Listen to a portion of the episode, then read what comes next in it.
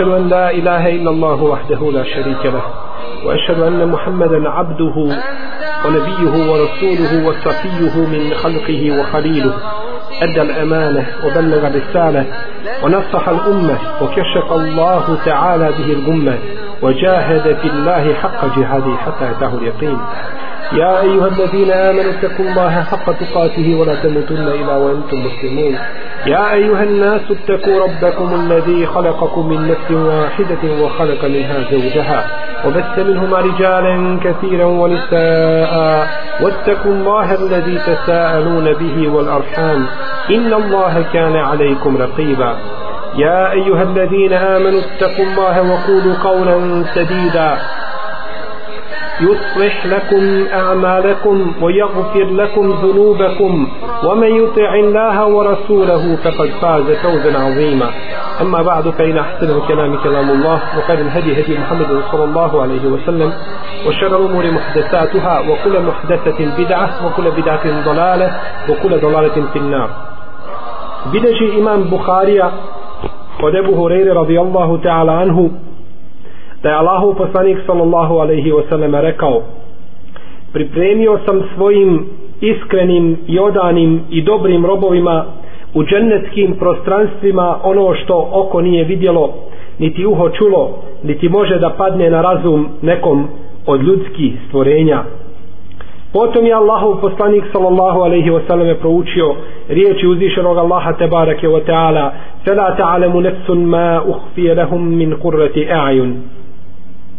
I ne zna ni jedna duša šta smo joj pripremili od ljepota u džennetskim prostranstvima.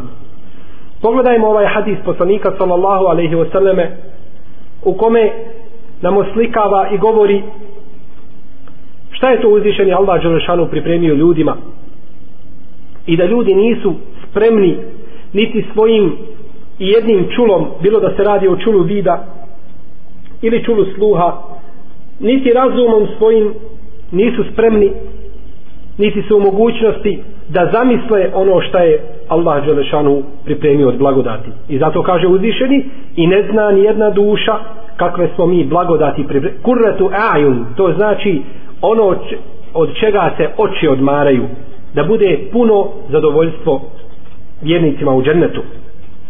I bileži imam Ebu Nuaym u svojom dijelu Sifatul dženne, opisi dženneta, sa vjerodostojnim lancem prenosilaca, da je poslanik sallallahu alaihi wasallam rekao Lejse fil dženneti šejun jušpihu ma fi dunja illa lesma. Nema u džennetu ništa da liči onome što je na dunjaluku osim imena osim imena. Jedino znači imena su ta koja su sa dunjaluka postoje znači na ahiretu, ali to su imena koja liče džennetskim, džennetskim imenima. A drugo što ima ništa ne liči. Jer je to onaj bolji i vječni svijet koji je uzvišen Allah te barake o teala pripremio svojim pokornim robovima. Pogledajmo samo u riječi poslanika sallallahu alaihi wasallame u hadisu Sehla ibn Sada koga su zabilježili Buharija i Muslim Meubiu saufin fil dženneti hajdu mine dunja o matiha. Mjesto koje zauzima jedan bić, mjesto koje zauzima jedan bić, u džennetu je bolji od dunjaluka i onoga svega što je na dunjaluku. A u drugoj predaji također vjerodostojnoj mjesto gdje se zabada koplje, mjesto gdje se zabada koplje je bolje od dunjaluka i svega što je na dunjaluku. Koliko mjesto, koliko zabodeno koplje zauzima mjesto? mjesta. To je jedna znači neznatna površina. Međutim, pored toga poslanik sallallahu alejhi ve selleme kaže da je takva površina bolja znači od dunjaluka i svega što se nalazi na ovome dunjaluku. Pogledajmo također nagradu koja pripada šehidu u kojoj poslanik sallallahu alejhi ve selleme kaže da će se šehidu staviti kruna počasti na njegovu glavu, a da je jedan biser sa te krune bolji od dunjaluka i svega što je na dunjaluku. Vidimo dakle iz ovih hadisa kakva je vrijednost dženneta i kakve je uzvišeni Allah te barake o tala ljepote pripremio u džennetu svojim vjernicima, a kakva je pogrdnost i kakva je bezvrijednost ovoga prolaznog svijeta kod uzvišenog Allaha azzawajal. Mi smo prethodno u brojnim našim predavanjima spominjali hadis Ibn Mesauda koga bilježi muslim u kome se opisuje zadnji čovjek koji će koji će ući u džennet šta njemu pripada od ljepota pa smo kazali na kraju tog hadisa da će ući u džennet pa će Allah Želešanu mu dati koliko ima ili koliko je imao najveći vladar koji je boravio na Dunjaluku da će mu toliko deset puta. Pa će ga pitati jesi li zadovoljan Allahov robe? Kaže jesam. Zadovoljan sam da imam deset puta koliko je on imao. Pa će reći Allah te bareke od tada tebi pripada još deset puta toliko. U drugim predajama pet puta pa kaže tebi pripada još deset puta toliko. Znači da će imati u najmanju ruku 50 uh, onih dobara koje je imao čovjek najbogatiji čovjek koji je boravio na ovoj zemaljskoj kugli. Da kako ta dobra i ta bogatstva su dženecka ta su bogatstva ona su samo količinski ista ali su ona dženecka i da kako vrijednija nego uh, materijalna dobra ovoga dunjaluka.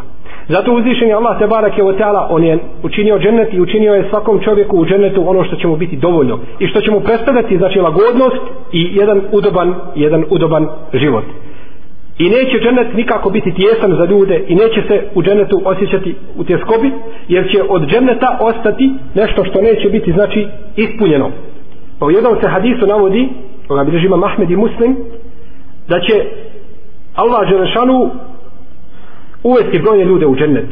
Kada ih uvede u džennet ostaće jedan dio dženeta neispunjen. Ostaće jedan dio dženeta neispunjen neće biti stanovnika za džennet. Jer će stanovnici džahennema biti brojniji zato što su stanovnici Žehennema brojni ljudi i džini i uvijek je broj nevjernika bio veći od broja vjernika zato što su tu stanovnici je džuđe me džuđi tako dalje brojni jeli, narodi koji su živjeli u priješnjim vremenima. Pa će uzvišeni Allah Želšanu tada stvoriti pa će uzvišeni Allah Želšanu tada stvoriti jednu skupinu stvorenja koje će uvesti u džennet. Kakva su ta stvorenja i koja su ta stvorenja Allah Želšanu najbolje najbolje zna uvešće i Allah Želešanu u džennet. Uvešće uzvišeni Allah Tebarak je Oteala također u džennet jednu skupinu ljudi jednu skupinu ljudi bez polaganja računa. Uvešće ih kako se navodi u jednom hadisu da će ih biti 70.000 znači uvešće Allah Želešanu u džennet a u drugoj predaji koju bilježi ima Mahmed kaže se ma kulli wahidin sebaune ili sebaine elfen. A sa svakim od njih će ući još 70.000 Znači ući će 70.000, a sa svakim od tih, sa svakim pojedincem, znači od tih 70.000, ući će po 70.000. Neće ući prvi dok ne uđe zadnji. Znači, znači ući će kao jedan svi u džennet.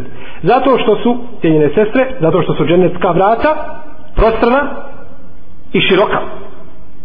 U jednom hadisu koga bileži imam Buharija i Muslim, kaže se da su džennetska vrata prostrana i široka kao od Mekije do Basre. Kao od Mekije do Basre. To je znači nekoliko hiljada kilometara. A u predaj koji bilježi ima Muslim Mahmed i Tabarani da su vrata džennetska široka 40 godina hoda. Da su široka 40 godina hoda. Dakle vidimo kada znamo ovaj hadis neko će možda upitati pa kako da pomirimo prvi hadis? Jer u prvom hadisu navodi od neke do Basre to je sigurno manje nego 40 godina E, hoda kažemo to je razlika od vrata do vrata jer džennet ima svojih osam vrata pa jedna su ove širine a druga su one širine. U svakom slučaju kada znamo da je 40 godina širina znači tih vrata 40 godina hoda onda možemo shvatiti kako će to oni svi zajedno da uđu u džennet. Znači ući će ovaj paralelno svi u jednom trenu. No međutim pored toga pored te širine tih džennetskih vrata A, kaže poslanik sallallahu alejhi ve sellem u predaji koji bilježi vam muslim doći jednoga dana vrijeme kada će se ljudi okupljati oko tih džennetskih vrata i gužva će se i stvarat će znači veliku gužvu oko ulaska samog u džennet jer će svako poželjeti znači da uđe na ta, na ta vrata. U džennetu postoje brojni stepeni. Znači džennet sav nije na jednim stepenima već je kao i džehennem ima svoje stepene džennetski stepeni su na gore, a džehennemski stepeni su na, na niže. Bileži imam Bukharija u svome sahihu od Enesa ibn Malika radijallahu anhu da je Umu Harise, to je poznata sahabika, došla kod poslanika sallallahu alaihi wasallam kada je poginao, poginao njen sin Harise u bitci na Bedru, pa je kazala Allahov poslaniće, ako je on u džennetu, ako je on u džennetu, ja ću se strpiti i bit ću zadovoljna strpit ću se Allahovom Đelšanu odredbom. No međutim, ako je on mimo toga, ako nije zaslužio džennet, vidjet ćeš šta ću uraditi. Vidjet ćeš kako ću postupiti.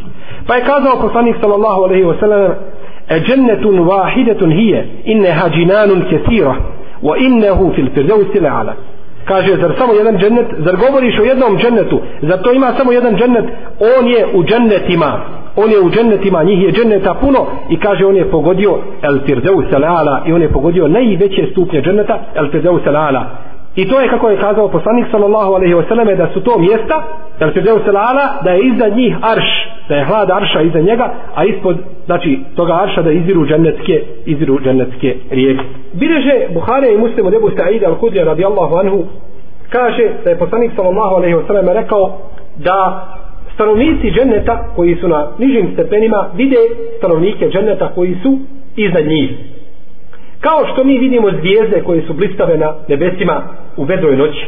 Pa je neko kazao, o Allahu poslaniće, to su stepeni koji će zaslužiti poslanici i vjerovjesnici. Mi ne možemo doći do tih stepeni.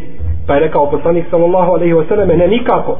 Tako mi onoga u čijoj ruci moja duša, zaslužit će ih ljudi koji vjeruju u Allaha Đelešanu i koji povjeruju u njegove poslanike.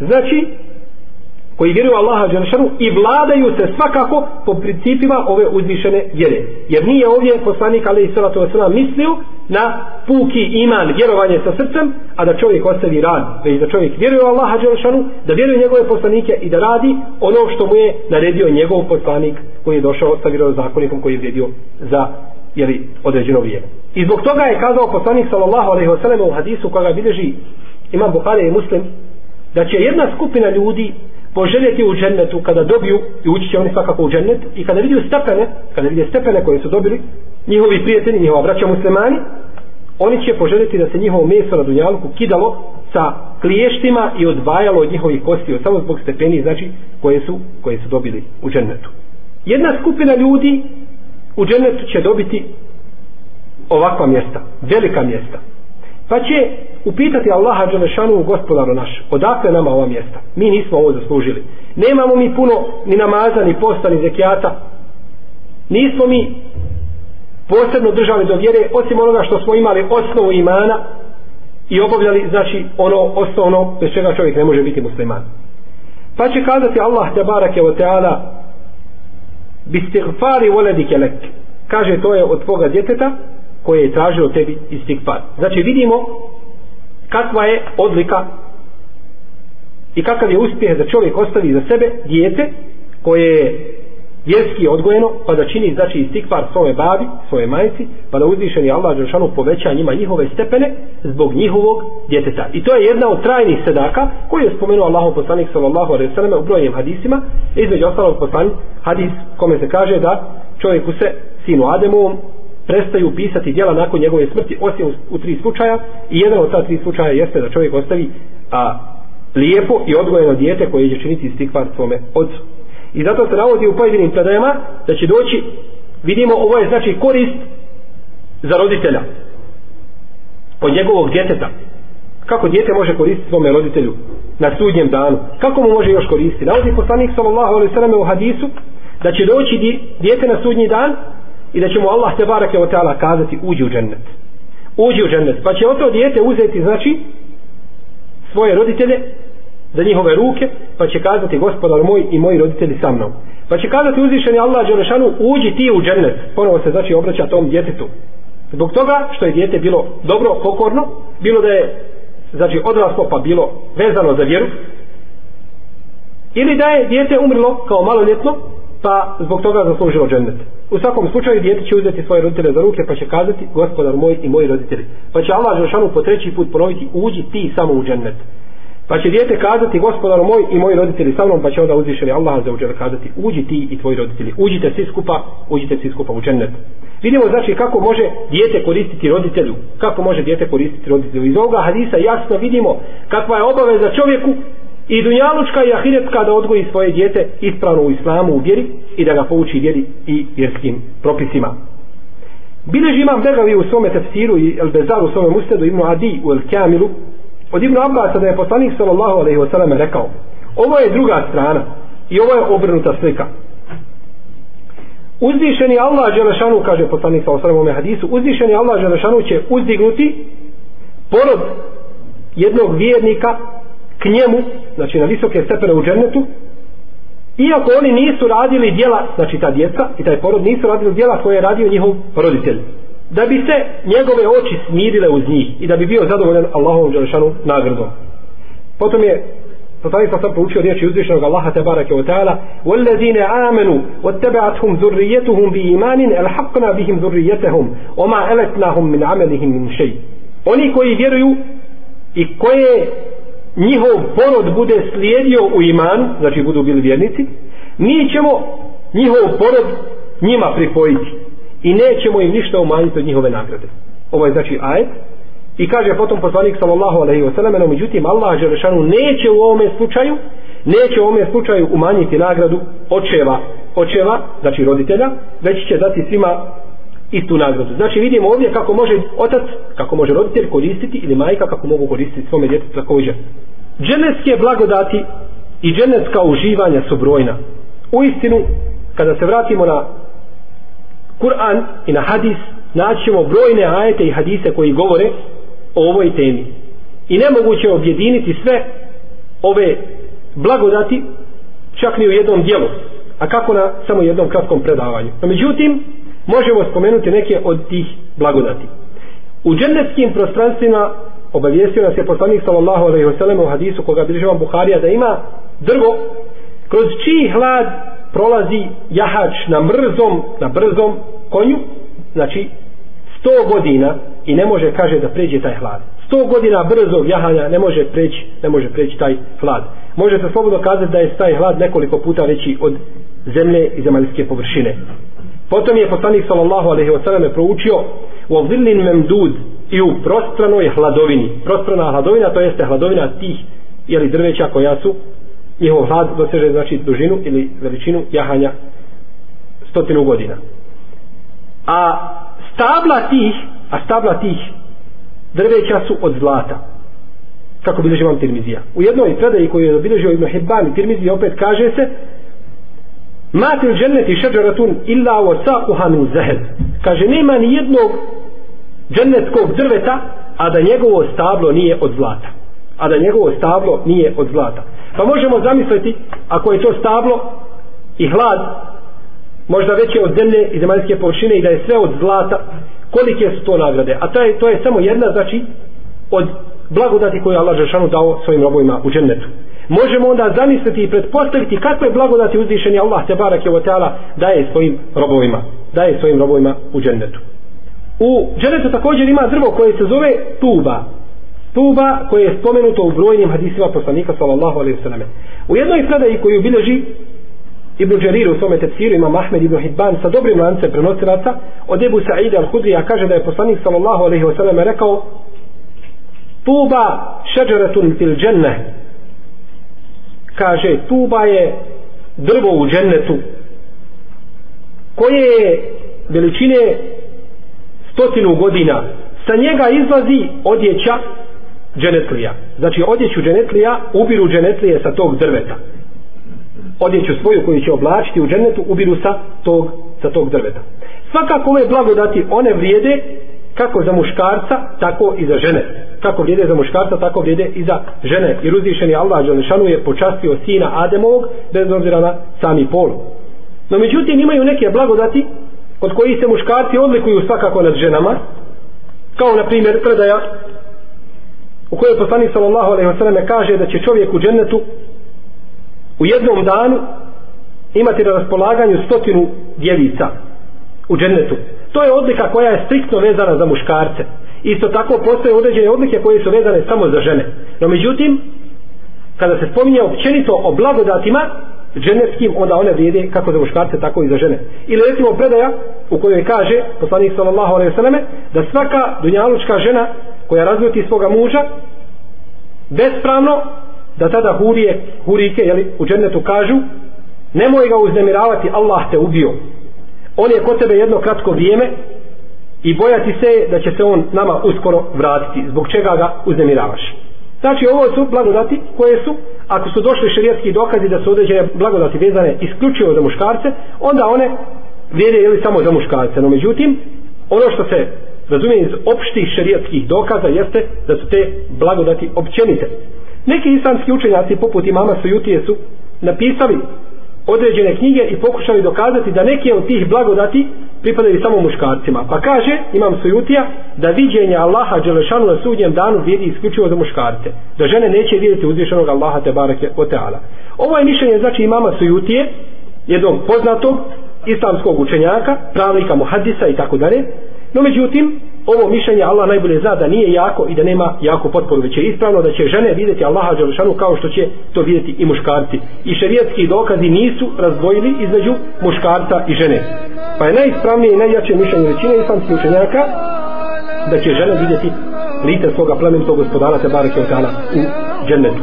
Bileži ima Mahmed u svome musnedu i drugi da je umu Seleme žena Allahovog poslanika sallallahu alaihi wa sallam i majka vjernika. Došla jednog dana kod Allahovog poslanika alaihi sallatu wa sallam i kazala mu o Allahov poslaniće zbog čega mi nismo spomenute u Kur'anu? Zbog čega znači mi žene nismo uvijek se govori vjernicima ljudi i tako dalje a mi žene malo se spominjemo.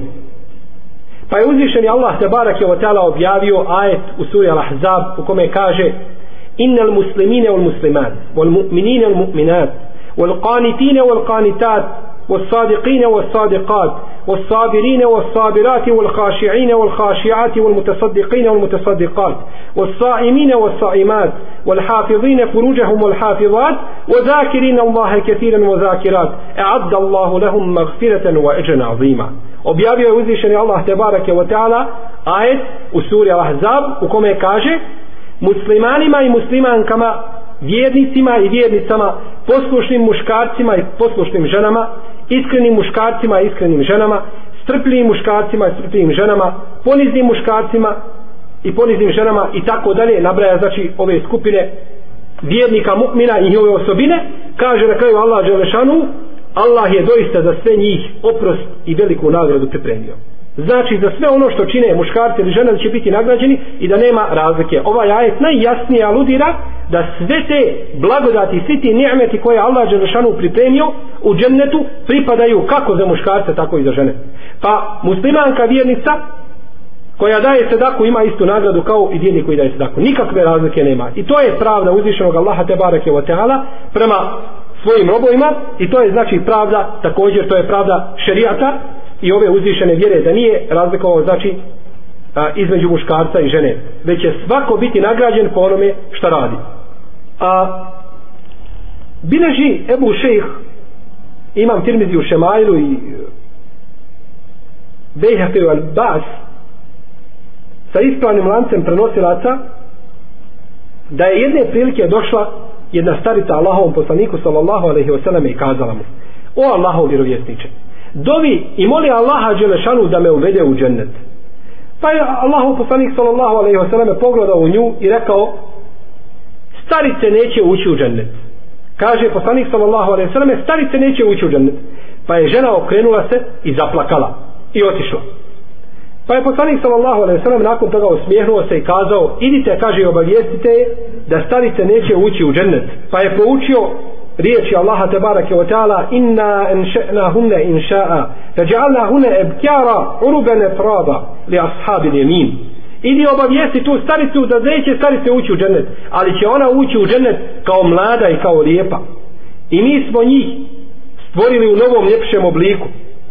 I učinili smo ih djevicama oruben da budu drage svojim muževima etraba da budu u znači istih godina jedne starostne dobi li ashabi li min pravim vjernicima i mu'minima stanovnicima dženneta. Pa nećeš ući u džennet u smislu da ćeš ući kao starica već ćeš ući znači u jednom drugom liku u jednom drugom obliku.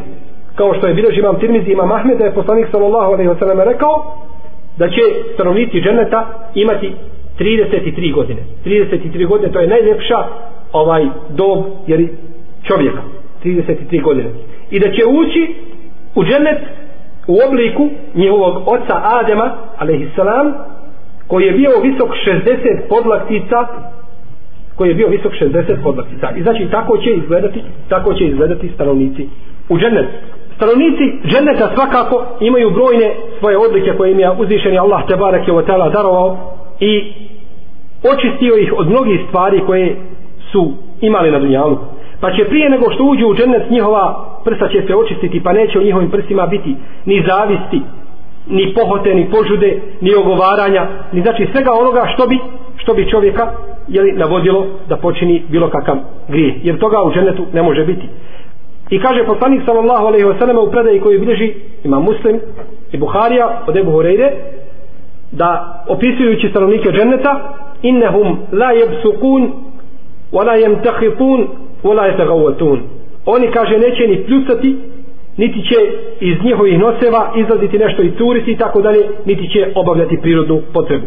A u predaji koju bliži imam tamam razi u dijelu Al-Fawaid kaže a, san je smrt san je brat smrti pa zato neće spavati stanovnici dženeta da bi Allah te barake o teala povećao njemete i blagodate znači stanovnicima dženeta učinit će ih da ne spavaju nikako. Da ne spavaju znači da su non stop budni i da žive u tim, u tim blagodatima. Navodi se u hadisima koga bileže koje bileži vam Ahmed i Ibn Hibban i drugi da čovjek u džennetu kada zaželi kada u džennetu kada zaželi dijete da će se trudnoća i period nošenja znači tog djeteta i porod i odrastanje tog djeteta desiti sve u jednom trenu da će se desiti sve to u jednom trenu kada to čovjek jeli samo poželi.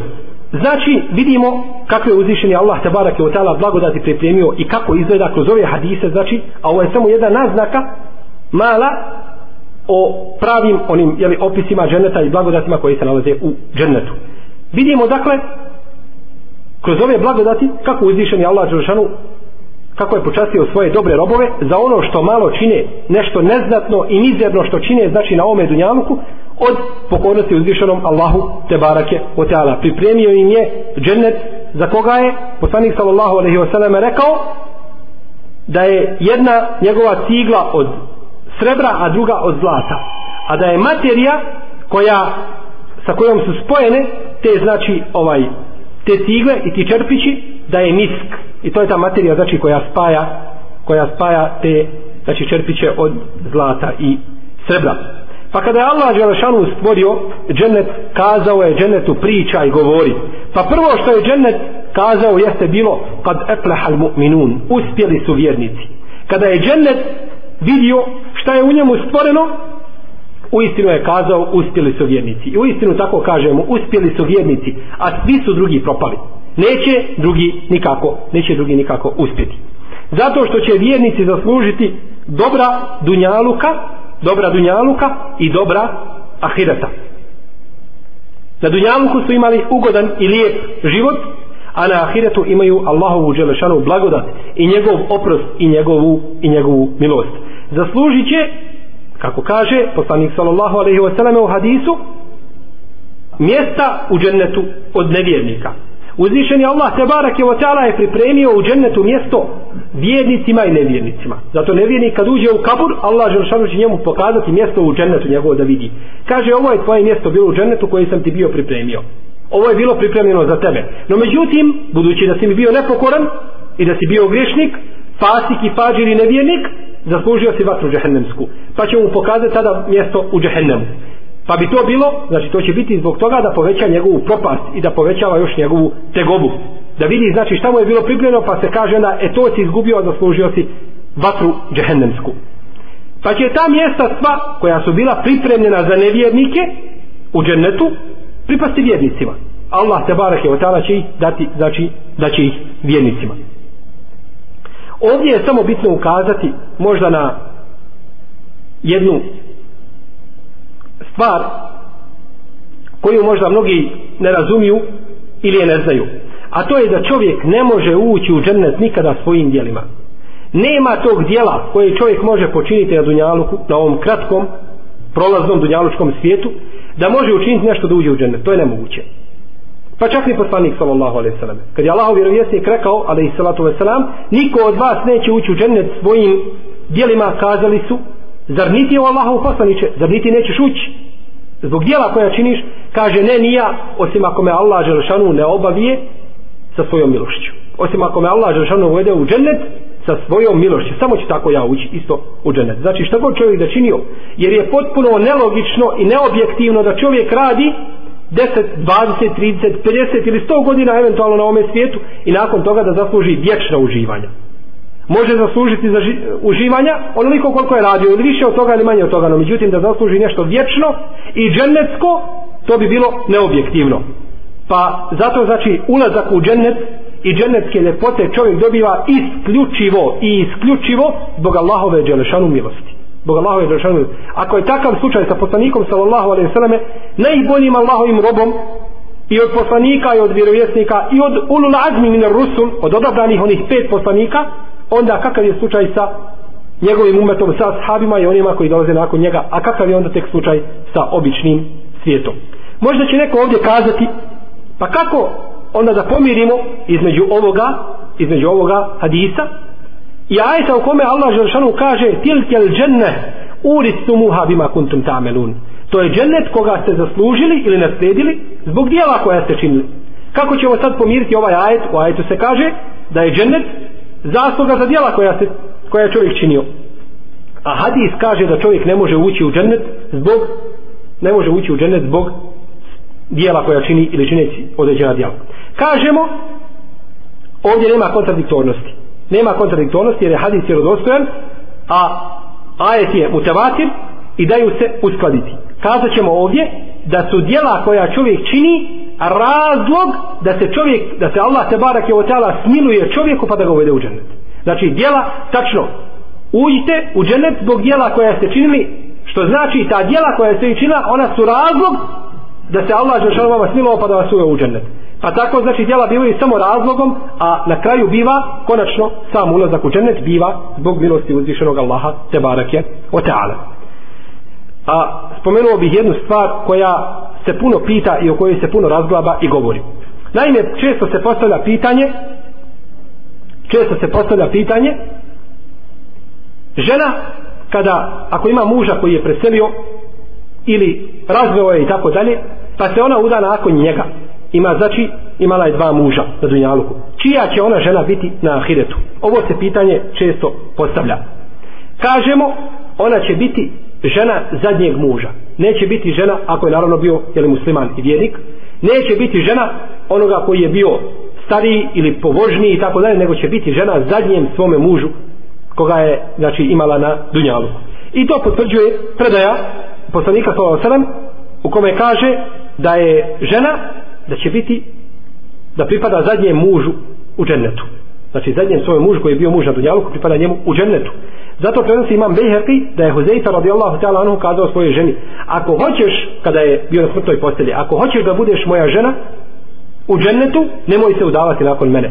Jer sam čuo poslanika sallallahu alaihi sallam da je rekao da žena pripada zadnjem od svojih muževa. I zbog toga razloga, to je razlog glavni zbog koga je uzvišeni Allah te barak je ta'ala zabranio da se žene Allahovog poslanika sallallahu alaihi sallam udaju nakon njegove smrti. One jesu majke vjernika, To je jedan razlog zbog koga ne može čovjek doženi svoju majku, to je jasno. No međutim, taj razlog jeste zbog toga što te žene bivaju, Allahom poslanika sallallahu alaihi sallam, bivaju njegove žene u džennetu. Pa zbog toga nije bilo dozvoljeno nikome od ashaba, nakon znači smrti poslanika sallallahu alaihi sallam, da oženi, da oženi njegove žene. Da bi one bile znači opet sa Allahovim vjerovjesnikom sallallahu alaihi sallam, u, u džennetu. Jer su mu bile one žene na dunjaluku. Što se tiče dženeta i dženetskih ljepota, o tome se može puno govoriti. Kazali smo da su ajeti i hadisi na ovu temu brojni i da su brojna dijela na našem jeziku da su pisana o toj temi. Najbolje dijelo koje toplo preporučujem svim čitaocima jeste a, jedno od zadnjih dijela koje je izišlo na ovu temu od e, profesora doktora Omra Eleškara koje se zove a, Džennet i Džehennem a, to je jedna a, hadijska studija u kojoj je profesor Omer Leškar prikupio sve hadise i većinu ajeta koji govore kad kažemo sve hadise mislimo na jednu veliku izrazitu većinu tih hadisa koji govore o opisima dženeta i džehennema i pojasnio znači brojna pitanja koji se tiču jeli, a, dženeta i džehennema a u istinu a, bila bi prava a, bio bi pravi propust da čovjek ne zna znači osnovne opise opise dženeta i džehennema jer to je ono što čovjeka tjera da radi. To ga prisiljava na posao. Jednostavno dobija čovjek volju da radi kada zna kakve uzvišenje Allah te barek tala pripremio nagrade u džennetu a isto tako želeći da pobjegne od džehennema i od džehennemske kazne. Molim uzvišenog Allaha te barek da nas učini od stanovnika dženneta a prije toga da nas pouči našoj vjeri, da nas učini od onih koji rade za i po ovoj vjeri, da nas učini od pomagača ove vjere, da nas pomogne protiv naših neprijatelja, da učvrsti naše stope i da ujedini naše, naša srca i naš stav i da nam popravi naša djela. Wa sallallahu ala nabina Muhammedu wa ala alihi wa sahbihi ajma'in. Wa jazakumullahu khairu jazaa.